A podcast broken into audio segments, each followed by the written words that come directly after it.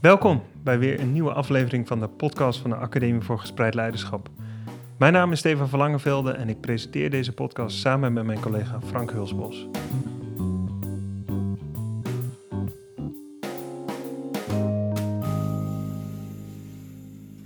Uh, Frank, vandaag zitten we in Ede bij mij thuis. Ja. Ja, uh, om een boek te bespreken. We dachten het is een goed idee om uh, nu weer eens in een tweegesprek te gaan. En uh, ditmaal het boek uh, van Dager Kelner, dus een sociaal psycholoog, uh, psycholoog, van de University of California.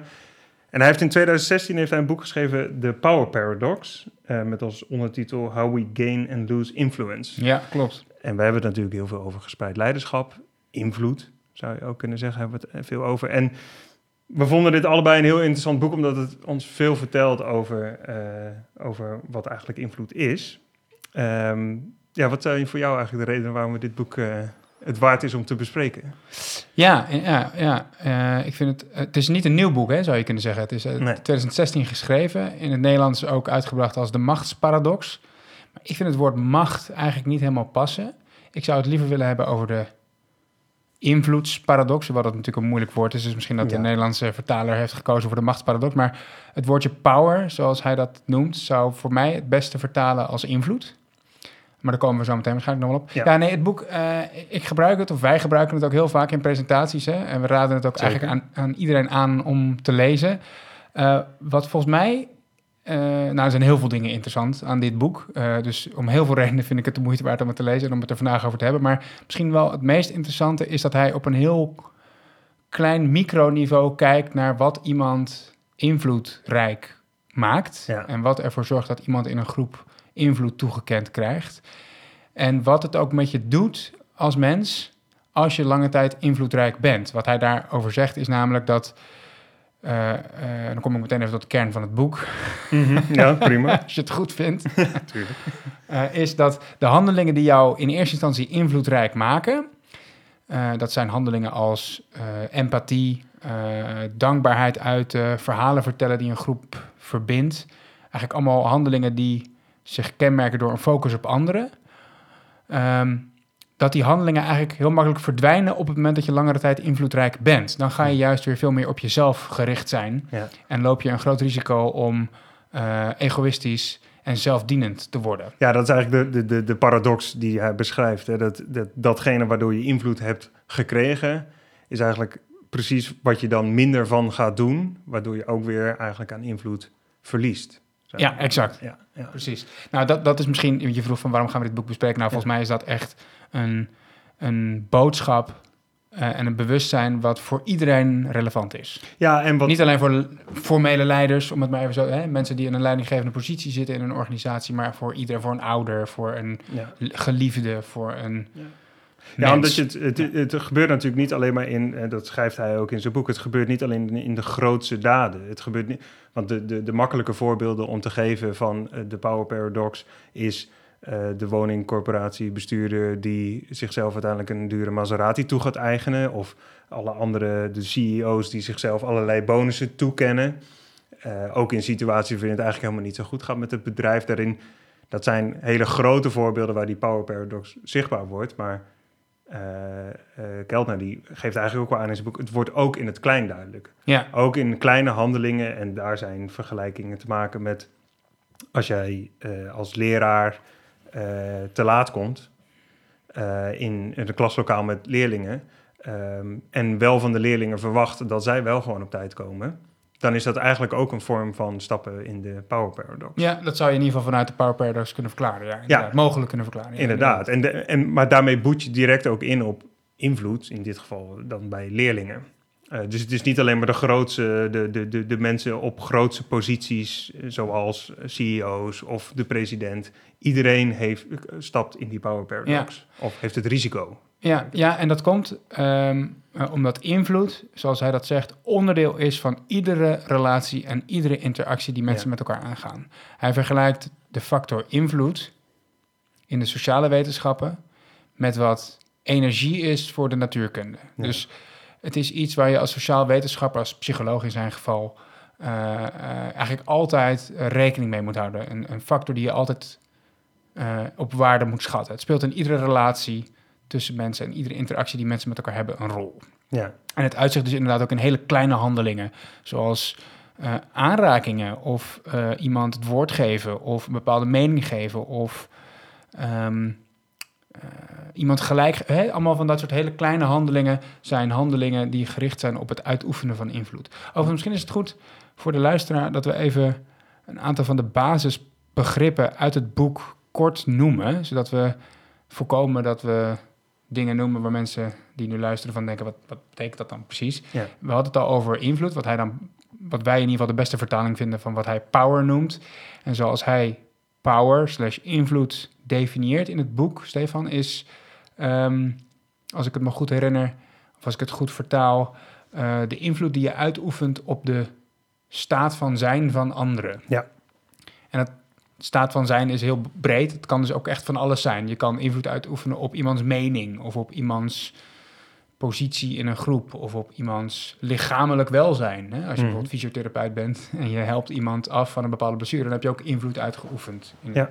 in, in de ogen van Keltner. Hè? Dus het is eigenlijk allerlei vormen van invloed uitoefenen op de staat van de ander. Hè? Dat klopt, hè? En Mhm. eigenlijk heeft dat, wat mij betreft, al heel veel raakvlakken met leiderschap.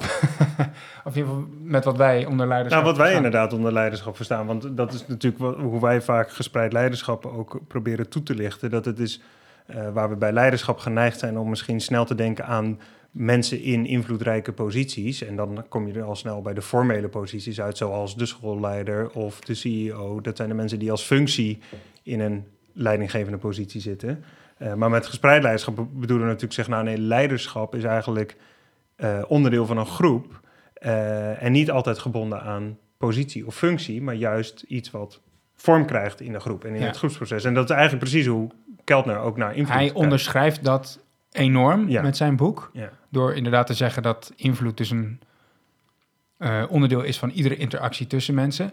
Tegelijkertijd schrijft hij, en ik ben het dus met hem oneens, dat zijn boek niet over leiderschap gaat, of in ieder geval niet per se voor formele leiders bedoeld is. Dat laatste kan ik me nog wel in vinden, maar dat het boek niet over leiderschap gaat, daar ben ik het eigenlijk niet mee eens. Het gaat wat mij betreft heel erg over leiderschap, althans als je leiderschap inderdaad opvat als het uitoefenen van invloed op anderen, zoals wij dat eh, pogen te doen. Ik denk inderdaad dat hij wel gelijk heeft als hij zegt dat het geen managementboek is voor. Het is niet een soort zelfhulpboek of een handleiding of een handboek voor managers. Het is van toepassing voor iedereen Ja, eigenlijk. ja, Die interesse heeft in dit onderwerp of die interesse heeft in menselijke interacties. Ja. Met een focus op de factor invloed. ja, en dan om je bewust te maken van de, van de valkuilen die dat kan hebben. En maar ook juist eh, het positieve wat het kan hebben. En die beide aspecten die kunnen we natuurlijk ook nog verder verkennen in deze podcast. Want dat is natuurlijk wel ook het. Nou, hij laat een beetje merken de, dat, dat invloed twee kanten op kan gaan. Waar we, we, noemen net al de power paradox, namelijk, en dat is dan wanneer het ten negatieve eh, gebruikt, je invloed, dat op een gegeven moment je eigenlijk egoïstischer wordt en meer in jezelf gekeerd en jezelf meer Ja, toe-eigent. paradoxaal genoeg Ja, krijg je in eerste instantie invloed door een focus op anderen. Maar zodra je lange tijd invloedrijk bent, ga je juist weer meer gericht zijn op jezelf. Ja. Dat is de power ja en, de- en, dat is, en dat is de negatieve gebruik. Dat is, hij noemt dat ook, zo heet het hoofdstuk ook, eh, de abuse of power. Het machtsmisbruik zou je dat, of invloedsmisbruik, eh, is dat eigenlijk. En de andere manier die hij ook wel natuurlijk probeert te benoemen, is dat voor het behoud van langdurig invloed zijn er een aantal, eh, de- eh, moet je daar eigenlijk voor behoeden. Dus dat is de twee kanten die het op kan gaan wanneer je invloedrijk bent. Enerzijds, je zou kunnen stappen in de power paradox. En er zijn een aantal handelingen of acties die je, waar je bewust van moet zijn, die je moet doen om daar niet in te vervallen. En dan behoud je ook je invloed. ja. Dat is wat hij volgens mij ook vooral met dit boekje probeert mensen bewust van te maken. Ja, eh, laten we daar zo direct even op ingaan. Voordat we dat doen, heb ik nog één eh, punt wat ik nog even zou willen bespreken uit het boek. En dat is, Ja. want hij benadrukt op een aantal punten ook eigenlijk het grote belang van invloed. hè. Ja, ja, ja. Ehm, ehm, wat hij daar eigenlijk over zegt, hij gaat daar heel ver en hij heeft eigenlijk allerlei onderzoek gedaan op allerlei niveaus. Eh, volgens mij hersenonderzoek, maar ook eh, self-reports van hoe mensen, over hoe mensen zich voelen enzovoorts. Ehm, in invloedrijke en niet invloedrijke situaties. Dus hoe voelt het nou om invloedrijk te zijn en hoe voelt het nou om juist invloedloos te zijn, powerless te zijn? En hij trekt daar een aantal hele scherpe conclusies over, wat wat mij betreft is ook het belang van invloed en ruimte voor mensen om invloed uit te kunnen oefenen heel erg benadrukt. Uh, hij zegt onder andere: um, invloedrijk zijn voelt goed, geeft je een lekker gevoel. Ja. Uh, en het dat kennen we ook wel. Ja, en dat zullen mensen vast herkennen als jij bij wijze van spreken een presentatie geeft voor een grote groep mensen en je krijgt lof aan het eind of een applaus, dan gaat er toch even een goed gevoel door je lijf heen. Letterlijk een goed gevoel. Hè? Dat, tenminste, ik zal maar... niet liegen dat ik dat absoluut uh, ervaar als ik zoiets meemaak. Ja, juist dat. Maar, en, en dat is dus ook het punt van, van je kunt het niet ontkennen dat dat zo is. Dat invloedrijk zijn voor iedereen een prettig gevoel is. Want ja. dat, je zou het denk ik wel kunnen benoemen als een soort fundamentele basisbehoefte. Ja, ja, ja dat is wel een interessante gedachte. Dat, dat zegt hij niet zo, maar dat nee, maar is die, bijna de conclusie die je zou moeten trekken op basis van die bevindingen. Want hij zegt er, het is, hij zegt er ook over, het is niet alleen iets wat we hebben ontdekt in onderzoek dat het je een goed gevoel geeft, maar het leidt ook echt tot een gezonder leven. Je, je, je lichamelijke gezondheid wordt bevorderd doordat je, wanneer je invloed ervaart in je leven. En andersom net zo goed, mensen die zich invloedarm voelen, die hebben slechte gezondheid, uh, ervaren veel meer stress, uh, sterven jonger, hebben een korter leven. Ja, ja. En meer van dat soort hele grote negatieve gevolgen zijn, verbindt hij in, via zijn onderzoek eigenlijk aan invloed. Ja. Of invloedarm zijn. Ja, en dat punt van, van, van dat het een basisbehoefte is, dat is inderdaad niet iets wat hij benoemt, maar... Ja, je kan bijna niet anders dan dat concluderen. Nou ja, maar er is natuurlijk ook, ook ander uh, psychologisch onderzoek uh, uh, bekend. Onder andere natuurlijk hele bekende theorie in de motivatie, over motivatie is de self-determination theory, die dat eigenlijk precies in de kern van zijn theorie heeft. Namelijk, je moet het gevoel hebben invloedrijk te zijn, self-determined in dit geval, om, om gemotiveerd te zijn, überhaupt om iets, iets te doen, om iets te leren, om iets te bereiken, om iets te presteren. En, dat wanneer, en hoe invloedrijker je je voelt, tot hoe hogere prestaties uh, je komt. Dat is de stelling daarvan. Ja. En dat ligt dus eigenlijk heel erg in lijn hiermee. En, en, en maakt eigenlijk uh, Kelner dat, dat is ook klein. Van het moet, je moet je op allerlei facetten invloedrijk voelen. Ja. Um, ja. Ja, en dat, wat dat mij uh, waar dat mij aan deed denken toen ik dat allemaal las, was een veelgehoorde opmerking in organisaties. Uh, bijvoorbeeld van schoolleiders of van teamleiders of uh, andere voortrekkers in een organisatie die te maken hebben met anderen in de school of in de organisatie die misschien minder betrokken zijn bij een bepaalde vernieuwing of bij een bepaalde ontwikkeling. Dat je dan vaak hoort, ja, er zijn ook gewoon bepaalde mensen die liever verteld krijgen wat ze moeten doen. Of er zijn gewoon een aantal mensen die sturing nodig hebben. Of er zijn gewoon ook mensen die geen zin hebben om hier aan mee te doen. Of, en eigenlijk laat zijn uh, stelling, of zijn onderzoek waar de stelling uit voortkomt, zien. Uh, ja, dat dat een foute assumptie is. Hè? Dus als invloed uitoefenen zo'n centraal onderdeel is van iedere interactie. En als het je echt uh, gewoon goed doet, lichamelijk zowel als mentaal, dan. Uh, en zoals jij daaruit concludeert dat het een fundamentele basisbehoefte is, dan, dan zou je eigenlijk daar ook weer uit kunnen concluderen dat er geen mensen zijn die geen invloed willen uitoefenen. Nee, en dat op het moment dat ze zich dus niet invloedrijk voelen, dat niet iets is van omdat ze dat willen, dat is niet een staat van zijn die ze nastreven. Die nu eenmaal onderdeel is van wie zij zijn. Ja, die, die past bij hun karakter. Maar dat, dat, dat ze blijkbaar in de context, de situatie of met de andere mensen met wie ze dan zijn, zich niet uitgenodigd voelen om invloed te nemen. Of in ieder geval niet, niet invloedrijk voelen. Omdat de anderen ze misschien wel dat, dat ook miskennen of niet gunnen. Um, uh, doordat, doordat ze misschien uh, de, uh, de, invloed naar zich toe trekken. Natuurlijk, de, de, die neigingen kunnen er natuurlijk zijn in groepen. Dat mensen een stap vooruit willen doen en eigenlijk daarmee ook de invloed van anderen inperken. En dat, geeft, dat maakt zijn boek natuurlijk ook wel duidelijk. Dat het nemen van invloed of het hebben van invloed kan de invloed van anderen wel inperken. Ja. Ja, ja met name als je die invloed op een manier aanwendt die vooral goed is voor jezelf en niet zozeer goed voor de ander. Ja. Overigens, daar zegt hij ook nog wel over, en misschien moeten we daarna echt even naar die paradox gaan. Hè? Mhm. Ehm, daar zegt hij ook nog over, invloed is niet iets wat je, zoals we gewoon zijn te denken, naar je toetrekt ja. en opeist, maar invloed is iets wat jou gegeven wordt door anderen. Nou, om, hè, dat past natuurlijk helemaal bij ons idee van gespreid leiderschap. Uh, invloed gun je aan een ander. Hè? Invloed wordt jou gegund. Ja. De ondertitel van ons boek is ook elkaar invloed gunnen voor vernieuwing. Als om, om, om te benadrukken hoe belangrijk het is dat je invloed, leiderschap moet zien als iets wat je een ander toekent. Hij haalt dan onder andere, vind ik heel leuk, uh, uh, Lord of the Flies aan. Hè? Dat uh, bekende verhaal van die jongens die op een eiland gestrand zijn. en die elkaar aan het eind van het boek de hersens inslaan. En degene die in dat boek invloedrijk is, is eigenlijk degene die het meest gemeen en dominant zeg maar, is ten opzichte van anderen. Terwijl een van de andere potentiële leiders in de groep veel meer empathisch en um, dienend is naar de anderen, die wordt op een gegeven moment aan de kant geschoven. Ja. Uh, en hij haalt dat hele idee, waar ons idee van leiderschap en invloed natuurlijk best wel sterk op is gebaseerd. Hè? Dat je leiderschap naar je toe hoort te trekken. Dat haalt hij helemaal onderuit op basis van zijn uh, onderzoek. Ja.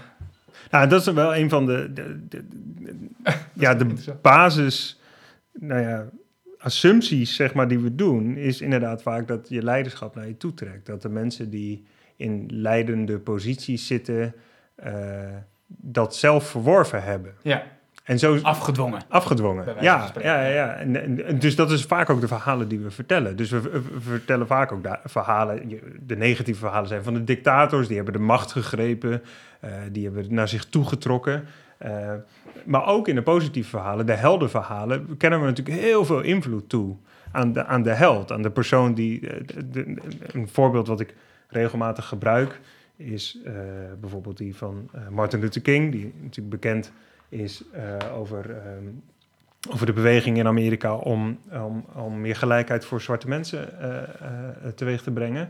En, en, en dit is niet om zijn invloed te miskennen, maar de mensen, de verhalen die hij vertelt of de aanspraak die hij doet bij anderen, is minstens zo belangrijk. De mensen die hem die invloed gunnen, die zeggen: uh, die, die, zich eigenlijk scharen achter de, de beweging, zijn minstens zo belangrijk voor de in ja, en, en de invloed die zij vervolgens weer uitoefenen. Ja, ja. inderdaad. Dus wat, wat we vaak een beetje vergeten is dat we niet het hele plaatje schetsen, zeg maar, wanneer we die verhalen vertellen. Precies. Vaak vertellen we de verhalen met, door alleen maar te richten op de handeling van die enkele persoon.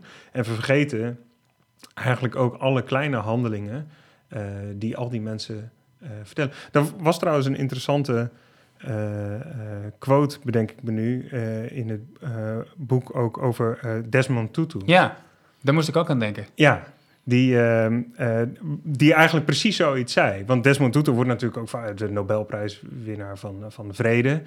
dus wordt snel ook in zo, zo verteld dat hij een hele belangrijke aanjager is van. En dat is hij natuurlijk ook deels wel, maar hij zelf is zich daar heel bewust van. Dat hij zegt, ja, een belangrijke aanjager van de afschaffing van de apartheid. Van apartheid, ja. ja, dat, zo, hij wordt een beetje gezien als het symbool waar... Of, of, ja, de grote veroorzaker van het afschaffen van de apartheid eigenlijk. Ja, in ieder geval als iemand die dat... Want Nelson Mandela heeft dat natuurlijk ook, wordt daar ook veel in genoemd, uiteraard. En, uh, maar hij zegt zelf zich heel erg bewust te zijn van... ja, maar dat zijn eigenlijk... is het een resultaat geweest van miljoenen uh, mensen die met kleine handelingen en uh, gesprekken en acties dit teweeg hebben gebracht. Ja, zijn letterlijke quote is toch zoiets als: It's the result of mil millions of little actions of zoiets. Ja, iets zoiets. in die richting. Ja, dus, dus, dus, ik ben het niet geweest, maar het zijn miljoenen anderen die uh, een steentje hebben bijgedragen. En al die handelingen bij elkaar, die hebben deze beweging mogelijk gemaakt. Ja, inderdaad. Dat is de daadwerkelijke manier waarop het is gegaan. Ja, ja, en dat, is, en, dat, en, en, en dat is zo belangrijk natuurlijk om te realiseren als het gaat over invloed. Dat, je, dat het niet alleen maar grootse daden zijn die leiden tot grootse verandering. Maar dat, het, dat is wat Kelten natuurlijk wil stellen. Het zit in, juist in die kleine interacties. Ja.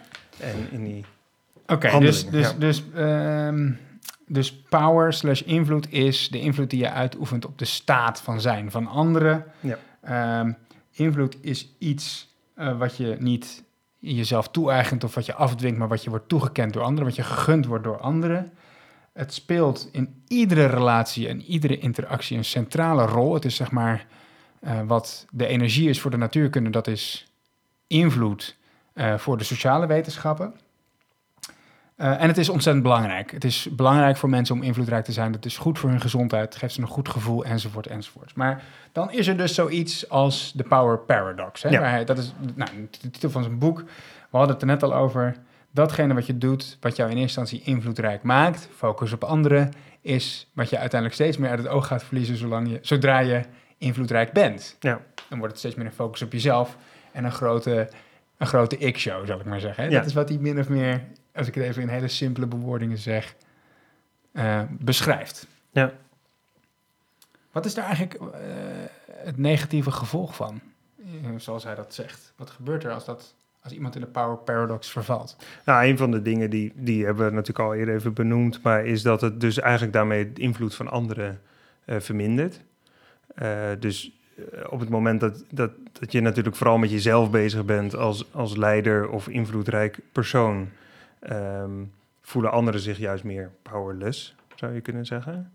Ehm, en ehm, nou ja, de, de, eh, ik denk in ieder geval dat het iets is wat, wat, wat we wel veel zien gebeuren. Die neiging, zeg maar, om.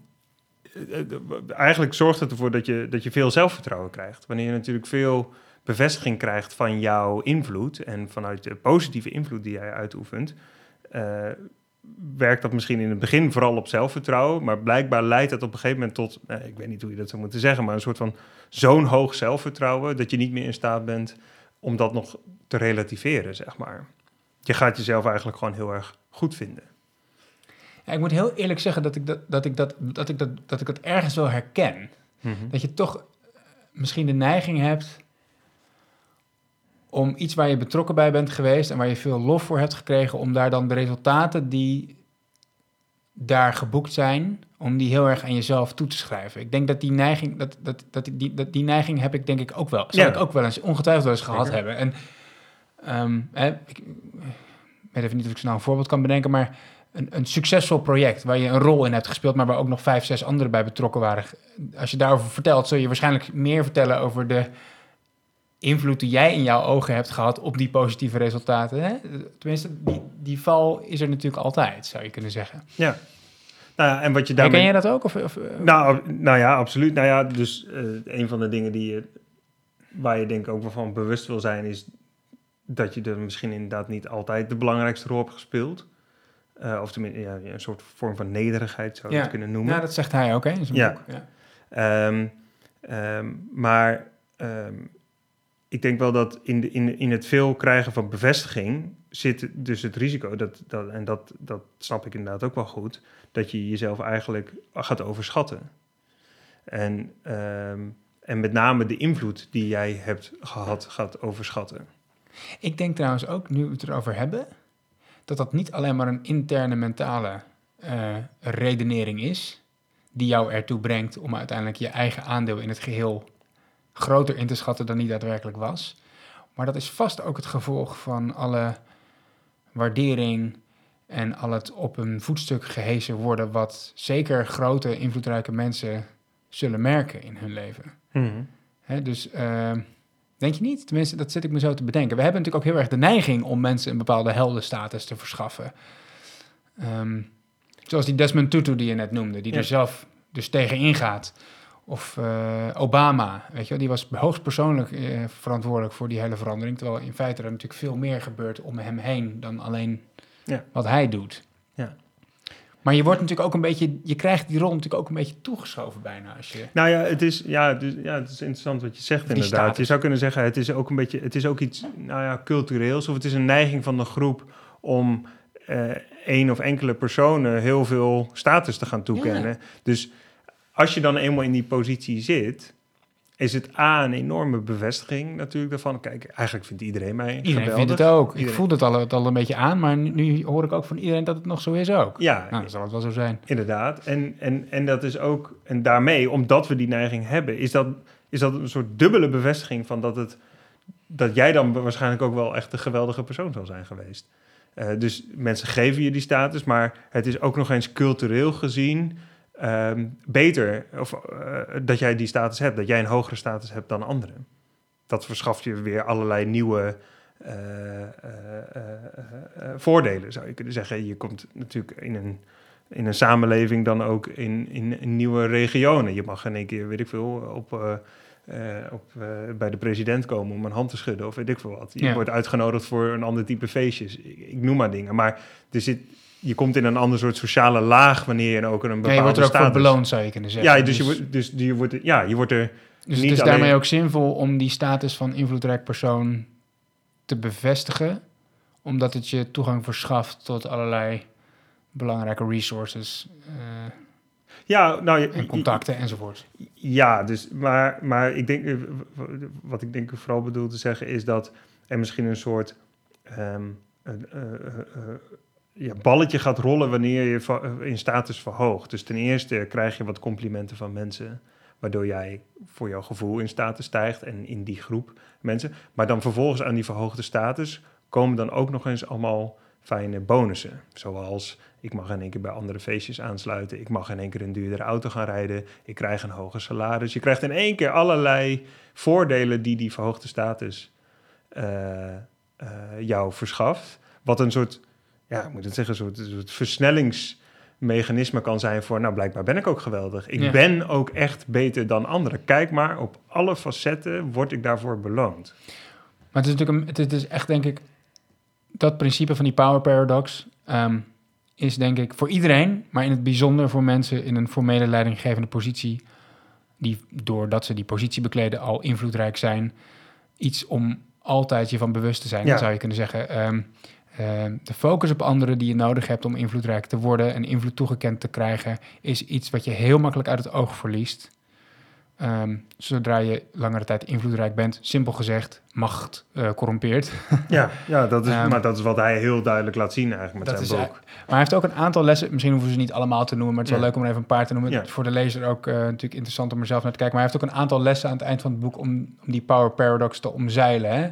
To outsmart the power paradox, zoals hij dat dan zegt. En zoals nou, de eerste is dat je dat, dus eigenlijk dat is in lijn met wat, wat we net al zeiden: van je moet je hier bewust van zijn. Je moet je bewust van zijn van dat, dat, dat het dit risico met zich meedraagt. Uh, dus dat als jij, je moet je bewust zijn van de invloed die je hebt. En je zou kunnen zeggen, zo'n uh, zo'n quote van Desmond Tutu laat dat al heel mooi zien. zien. Ja, van, van hij is zich bewust van de invloed die hij heeft. Uh, en die anderen dus daarin die ook hebben. En de anderen dus ook hebben. Dus, dus dat is al een heel belangrijk uh, beginpunt, denk ik. Sorry dat ik je onderbreek, maar hij, hij is zich eigenlijk bewust van de minimale invloed die hij heeft. Als je het wat scherper zegt. Hij is zich eigenlijk bewust ervan dat zijn invloed eigenlijk maar een heel klein onderdeel is van het geheel. Ja. Nou ja, heel klein is misschien een beetje over, maar een klein onderdeel is van het geheel. En dat er dus nog heel veel anderen zijn die invloed hebben gehad naast hem. Ja. Daar, is, daar is hij zich zo duidelijk van bewust. Ja, inderdaad. En, en ja, en, maar het is moeilijk om zijn invloed te gaan, uh, gaan, uh, gaan wegen, zeg maar. Is het nou veel of is het nou weinig? Maar hij laat zich in ieder geval bewust zien, uh, zien dat, dat hij niet de enige is. Ja. Dus hij stapt niet in die valkuil, wat we net zeiden, dat je door al die bevestiging die je krijgt, je krijgt notabene een Nobelprijs voor de vrede, dat je door al die bevestiging die je krijgt niet gaat denken, ah, eigenlijk ben ik de geweldenaar in dit geval. Eigenlijk ben ik misschien ook wel degene die... de vredestichter zou in dit geval ja, beter term zijn, maar goed. ja, de vredestichter. Ja, maar, dit, maar dat, dat kan natuurlijk... En dat gaat dus heel snel, want dat, dat is dus niet iets wat, wat, wat, wat maar uh, alleen maar mensen gebeurt, zeg maar, dus in leidinggevende posities. Maar ik denk dat dat wel daar wel sneller gebeurt. Dat je als schoolleider of als CEO of als directeur uh, sneller eigenlijk alleen nog uh, gaat denken van, oh, ik ben eigenlijk degene die hier zorgt dat de boel nog een beetje in het gereel blijft, dat, dat we, dat we de successen boeken. Um, en dat je die ook een beetje gaat toe-eigenen, zeg maar. Het succes van een school ook, want dat wordt dus ook in de media, zou je kunnen zeggen, uh, gedaan. Ook daar worden veel verhalen verteld over schoolleiders die een soort in hun eentje uh, scholen uit het slop hebben getrokken in bepaalde wijken. Dat, ook dat soort verhalen zijn weer een soort extra bevestiging van het zijn enkele leiders die dit doen. Ja. Um, maar de, de twee... we, hebben een school, we hebben wel een schoolleider van het jaarverkiezing, maar we hebben bijvoorbeeld niet een en een docent van het jaar trouwens ook. Maar we hebben niet een docententeam van het jaar. Of Nee. een school van het jaar. Nou ja, school van het jaar misschien nog wel trouwens. Maar je hebt niet zoiets als een verkiezing voor het beste groepje Ja, van iets. nou ja, maar dat, maar dat is dus super interessant. Dat, dat, dat laat zo zien hoe ongelooflijk verankerd dat is in de cultuur. Dus hoe je het ook niet... eh, je zou kunnen zeggen, ja, weet ik niet of dat de juiste manier is, maar misschien kun je mensen ook wel niet kwalijk nemen dat ze in die power paradox stappen. Nee, Want dat is, dat, is, dat is het makkelijke wat we nu natuurlijk ook doen. Wanneer we iemand op het sokkel plaatsen en iemand die status verschaffen, zijn we dus ook de eerste. Dat is natuurlijk eh, ho- hoogmoed komt naar de val, of hoe heet dat? Eh, wat is eh, de uitspraak? Maar dat, je, eh, eh, ehm, dat, dat we de, de, ook de eerste, ze, ze de eerste zijn die we er weer vanaf willen praten. maar de, ehm, waar ik dan wel aan moet denken... of waar ik, wat ik weer even in herinnering wil halen... wat we eerder al besproken hebben... is dat, dat, dat fenomeen wat hij omschrijft... dat invloed uitoefenen, invloed hebben... dat dat een goed gevoel geeft, dat dat lekker is, bij wijze van Mhm. spreken. Dat je je daar dus ook van bewust moet zijn. Dat is Ja. iets waar we het nooit over hebben. Ehm, eh, een, een, een, een, premier van een land zegt premier van een land te worden om het volk te helpen. Eh, een schoolleider wordt schoolleider om Ja. het onderwijs op die school op de rit te krijgen voor de leerling. N- niet dat dat niet een motivatie kan zijn voor die mensen, maar waar, wat, een, wat een premier of een schoolleider nooit zal zeggen is, nou, ik doe dit omdat ik dit gewoon hartstikke fijn vind. Om Maar dat is waarschijnlijk wel zo. Sterker nog, als we het onderzoek van Keltner volgen, dan is dat absoluut zo. Ja, nou En ja. dat is iets waar we het nooit over hebben. Maar dan moet je het dan eigenlijk wel over hebben als je die power paradox wilt omzeilen. Dat je ook gewoon de eerlijkheid hebt om te zeggen, nou, ik vind het eigenlijk hartstikke fijn om zo invloedrijk te zijn. Ja, en dat het daarmee dus niet een, ehm, een vies woord wordt. Ja. Zeg maar. Dus dat je niet. Dat dat ook wel mag en dat je er tegelijkertijd bewust van bent dat dat dus ook niet alles is. Nou, dat dat niet alles is, dat anderen die behoefte ook hebben. Ja, dus dat, dat, dat, dat ik die behoefte heb, daarin moet ik me bewust zijn van het feit dat ik dan niet jouw behoefte moet frustreren. Dus de dingen die ik doe, moeten niet jouw behoefte aan invloed dan in de weg zitten. Dus Ja. het is geen in een invloedrijke positie zitten, eh, is niet een legitimering van het inperken van de invloed van anderen. Ja, dus een andere les die hij aan het eind van het boek meegeeft is wees nederig. Hè? Dat is natuurlijk Ja. wel best wel zwaar, een beetje Amerikaans woord, maar goed, op zich ook wel weer mooi. Dat je dus inderdaad nederig, zoals Desmond Tutu dat ook is in zijn uitspraak, nederig bent over je eigen aandeel en dat van, an- en dat van anderen ook heel erg laat zien. Verder zegt hij bijvoorbeeld ook Eh, dat je nou, dankbaarheid moet blijven uitspreken naar anderen ook. Hè? Ja, dus hij noemt, dat, eh, hij noemt dat gerichtheid op anderen. ja. Tenminste, zo kun je denk ik vertalen naar het Nederlands. Ehm, eh, en waar, waarmee die bedoelt, is dat is eigenlijk een van die elementen waarmee je invloed verwerft. Hè? Dus hij zegt juist door contact te maken met anderen, eh, door, empathisch te zijn. door empathisch te zijn, door, door nieuwsgierig naar ze te zijn. Daar, daardoor verwerf je meer invloed. Eh, dat is een basis waarop mensen jouw invloed toekennen. Ehm, dus hij zegt dat, dat moet je eh, blijven doen, die gerichtheid op die ander. En dat is dus precies wat je in, die, in de power paradox toegeneigd kan zijn om dat niet meer te doen. Dat je egoïstischer wordt. Dat je denkt, ik ga vooral dingen doen die voor mijzelf goed zijn. Die, eh, die ik graag wil of die ik belangrijk vind. Ja, of Maar zonder dat- je die be- bewust die keuze maakt, ver- verval je daar toch in. Verval je daar toch in? in dat, ja, omdat je, omdat je blijkbaar het gevoel hebt dat, dat wat jij vindt belangrijker is dan de ander. En hij zegt nee, wees ook daar heel erg bewust van dat je jouw eigen ideeën en belangen niet boven die van anderen stelt, maar dat je ook nieuwsgierig bent naar die ander. Dat je daarmee eigenlijk ook die ander, zou je kunnen zeggen, eh, invloed gunt. Ja, van- hij, hij, zegt, hij noemt eigenlijk vier, voor de volledigheid, hij noemt eigenlijk vier handelingen die een persoon duurzaam invloed geven. Ja. Dat zijn empathie, dus je kunnen verplaatsen in de gevoelens en de gedachten van anderen. Giving, ja, dus eh, ja, geven. Hè, dus eh, ik neem aan dat hij daarmee bedoelt waardering uitspreken naar anderen, de ander zien, de ander erkennen voor wie hij of zij is. Ja. Expressing gratitude, dus dankbaarheid uitspreken naar anderen. Dus eigenlijk ook daar misschien weer wel erkennen en dankbaar zijn voor wat anderen inbrengen. Ja, En ja bij gever heeft hij het ook wel gewoon wat breder over, zeg maar, dat je, dat je ehm, geven vind ik, is, is en niet iets terugverwachten. Ja, precies. Dat is wat, gaat een bij beetje geven- onbaatzuchtigheid zou je bijna Ja, zeggen. dus de, bijvoorbeeld, eh, als jij mijn hulp vraagt, dan help ik jou omdat ik jou graag wil helpen. Dus ik ik geef jou mijn hulp, zeg maar, zonder dat ik dan verwacht iets van jou terug te krijgen.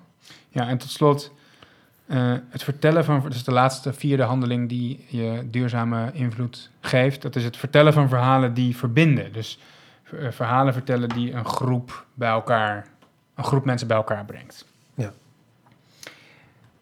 Hey, zullen we tot slot nog even, uh, dat is in ieder geval wat mij nog wel interessant lijkt, eens kijken van wat leert dit boek ons nou als je in een school of in een organisatie zou willen werken aan het idee van gespreid leiderschap. Dus stel je voor dat je in jouw school of organisatie gespreid leiderschap meer een kans wilt geven. Wat leert ons boek dit dan? Ja, dat lijkt me goed om te verkennen. Nou ja, we zijn een hoop lessen, denk ik, al Ja, ongetwijfeld. Maar misschien nog even een kernachtige boodschap die wij eruit halen. Ja, nou ja, de, wat mij betreft is een eerste uh, dat, dat als je als je nadenkt over verandering en over um, uh, nou ja, hoe je, hoe je zeg maar, kan werken aan verbetering en vernieuwing in de school, hoe je het, onderwijs kan ontwikkelen. Nou goed, allemaal dat soort thema's. Um, leert het boek denk ik dat je dat moet zien als dat de belangrijkste stappen die je daarin zet, zitten dus in kleine handelingen. Mm -hmm. In kleine interacties die je hebt met elkaar. In de, in, in, nou ja, de, de, de, de, cliché zou zijn om te zeggen, het gesprek aan de, aan de koffietafel.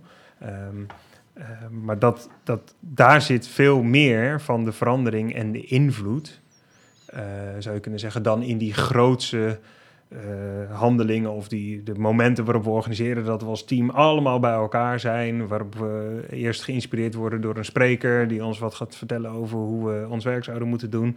En, dan, en dat dat zal leiden tot de invloed op dat dat uiteindelijk het onderwijs verbetert. Maar het zit eigenlijk in die kleine interacties tussen collega's op het moment dat ze met elkaar in gesprek zijn. Ja, dat, het kan in ieder geval niet zonder een aandacht voor dat soort kleine interacties gaan. Nee, ja, of eigenlijk daar moet de meeste aandacht aan gaan. wil ja, niet zeggen veel meer dan dat we nu doen. Hij, hij zegt daar op zich, vind ik echt super interessant over. Hij heeft het over dat gedrag dus heel erg besmettelijk is. En hij haalt ja. hij onder andere onderzoek aan wat liet zien dat als jij op straat aan een vreemdeling um, Nee, sorry, als jij op straat met een vreemdeling iets deelt, dus nou ja, misschien geef je iemand iets of je geeft een, uh, een, een, een, dakloze geld of wat dan ook, mm -hmm. dan is die vreemdeling uh, eh, 19% meer geneigd om in een volgende interactie met een andere persoon ook uh, vrijgevig te zijn. Dus het gedrag, hè, de vrijgevigheid die jij hebt laten zien aan die eerste vreemdeling, die vertaalt zich door naar die vreemdeling in zijn interactie met een volgende persoon.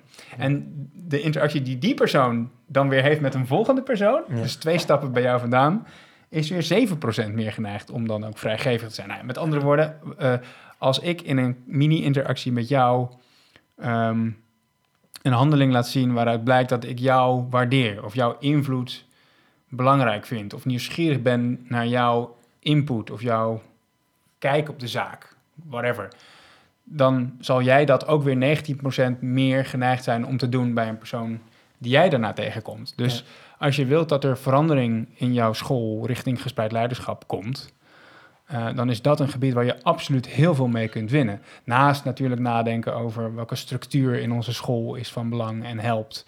Um, wat is onze onderwijsvisie? Nou, allemaal van dat soort grote thema's zijn daarmee niet onbelangrijk, maar het kan niet zonder. En ik moet eerlijk zeggen dat we het daar heel weinig over hebben zonder een hele duidelijke focus op die hele kleine interacties en het gedrag wat daarbij hoort tussen mensen op de werkvloer. Ja, ja en ik, um, volgens mij is het nog wel interessant om na te denken over dan wat zijn dan onder andere van die kleine gedragingen die je zou kunnen doen. Ja.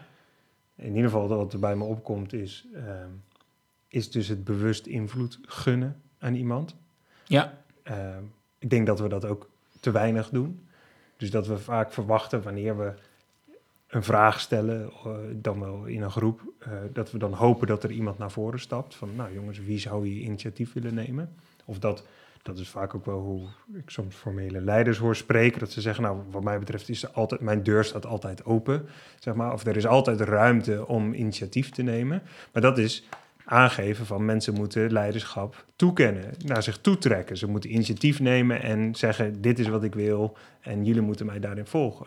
Maar dat leert dit boek ons natuurlijk ook. Eigenlijk zit het in het, in het geven van dat leiderschap aan een ander. Ja, dus, daadwerkelijk doen. Je kan het inderdaad wel zeggen. En dat is trouwens niet eens per se verkeerd dat je dat zegt natuurlijk. Dat bedoel jij volgens mij ook niet. Maar dan is het natuurlijk van belang dat je vervolgens in die directe interacties met die mensen over wie je het hebt, dat ook heel erg terug laat komen in je gedrag. Ja, en dat zit dus in kleine dingen als, goh, ik ben benieuwd wat jij hebt te zeggen. Ik heb wel eens een presentatie meegemaakt van iemand. en die zei aan het begin van de presentatie, zei iedere vraag vind ik prima. Je mag hem gewoon stellen, gewoon tussendoor, stel je vragen. Vind ik leuk, weet je wel. Nou, oké. Hij had helemaal zo'n houding aan het begin van zijn presentatie van we gaan hier echt een gesprek van maken met elkaar. Nou, en toen kwam er dus na vijf minuten kwam er inderdaad een vraag. en die beantwoordde die nog. En toen kwam er meteen nog een vraag. En toen zei hij, ja, sorry hoor, ik ga even door met mijn verhaal. Want jullie halen me een beetje uit draad. Ik ben de draad een beetje kwijt door wat jullie, dat jullie het om die vragen stellen. Ja, nou ja, nou, dat lijkt me duidelijk. Maar ja, maar dat, is, maar dat is precies het ding. Dat als je, je kunt natuurlijk wel voor de groep gaan presenteren, gespreid leiderschap. En dat is belangrijk. En iedereen, er is ruimte voor invloed voor iedereen. En dat kun je wel zeggen tegen elkaar. Maar daarna moet je het inderdaad in de kleine gedraging ook doen. En dat is dus. Nou, hier, deze het voorbeeld wat jij geeft, is natuurlijk heel duidelijk dat iemand daar dat niet meer doet, dus het directe kop indrukt, waardoor het voor de groep daarna ook duidelijk is, nou blijkbaar is er toch geen ruimte voor invloed. Nee, dat was wel duidelijk. Nee, dat lijkt me wel duidelijk. en daarna werd er dus ook geen vraag meer gesteld. Ja. Dat is trouwens ook een interessante.